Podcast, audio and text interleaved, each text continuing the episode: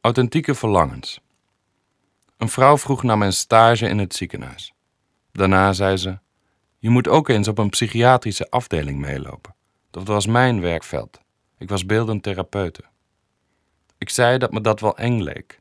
Waarom? Ik kan je toch niks gebeuren? Daar ben ik nog niet zo zeker van. Die mensen lijken me onvoorspelbaar. Ach nee, die mensen zijn zoals jij en ik hoor. Het verschil is erg dun. Angst is vast ook een vorm van aantrekkingskracht.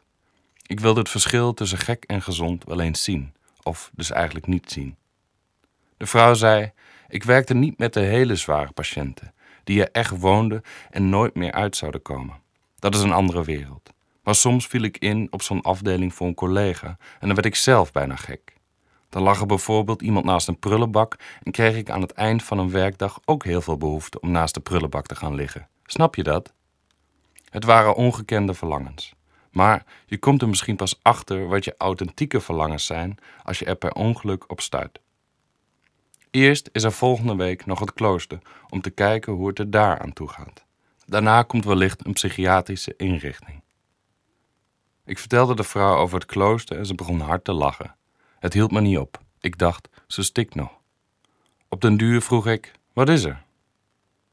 Oh, een klooster, daar heb ik ook wel eens gezeten. Heb er een kloosterbroeder bijna verleid. We werden samen dronken. Hij wist niet wat hem overkwam toen hij mijn hand vasthield. Hele aardige man hoor. Ik heb me uiteindelijk gedragen en we werden vrienden. Hij kwam me wel eens opzoeken in Den Haag. Als we dan door de rosse buurt liepen, wist hij niet waar hij moest kijken. Want alle prostituees keken en floten naar hem en zijn pij. Ik lachte en dacht aan de verlangens van de kloosterbroeder, prostituee en deze goedlachse vrouwelijke gek. Ze leken me allemaal authentiek.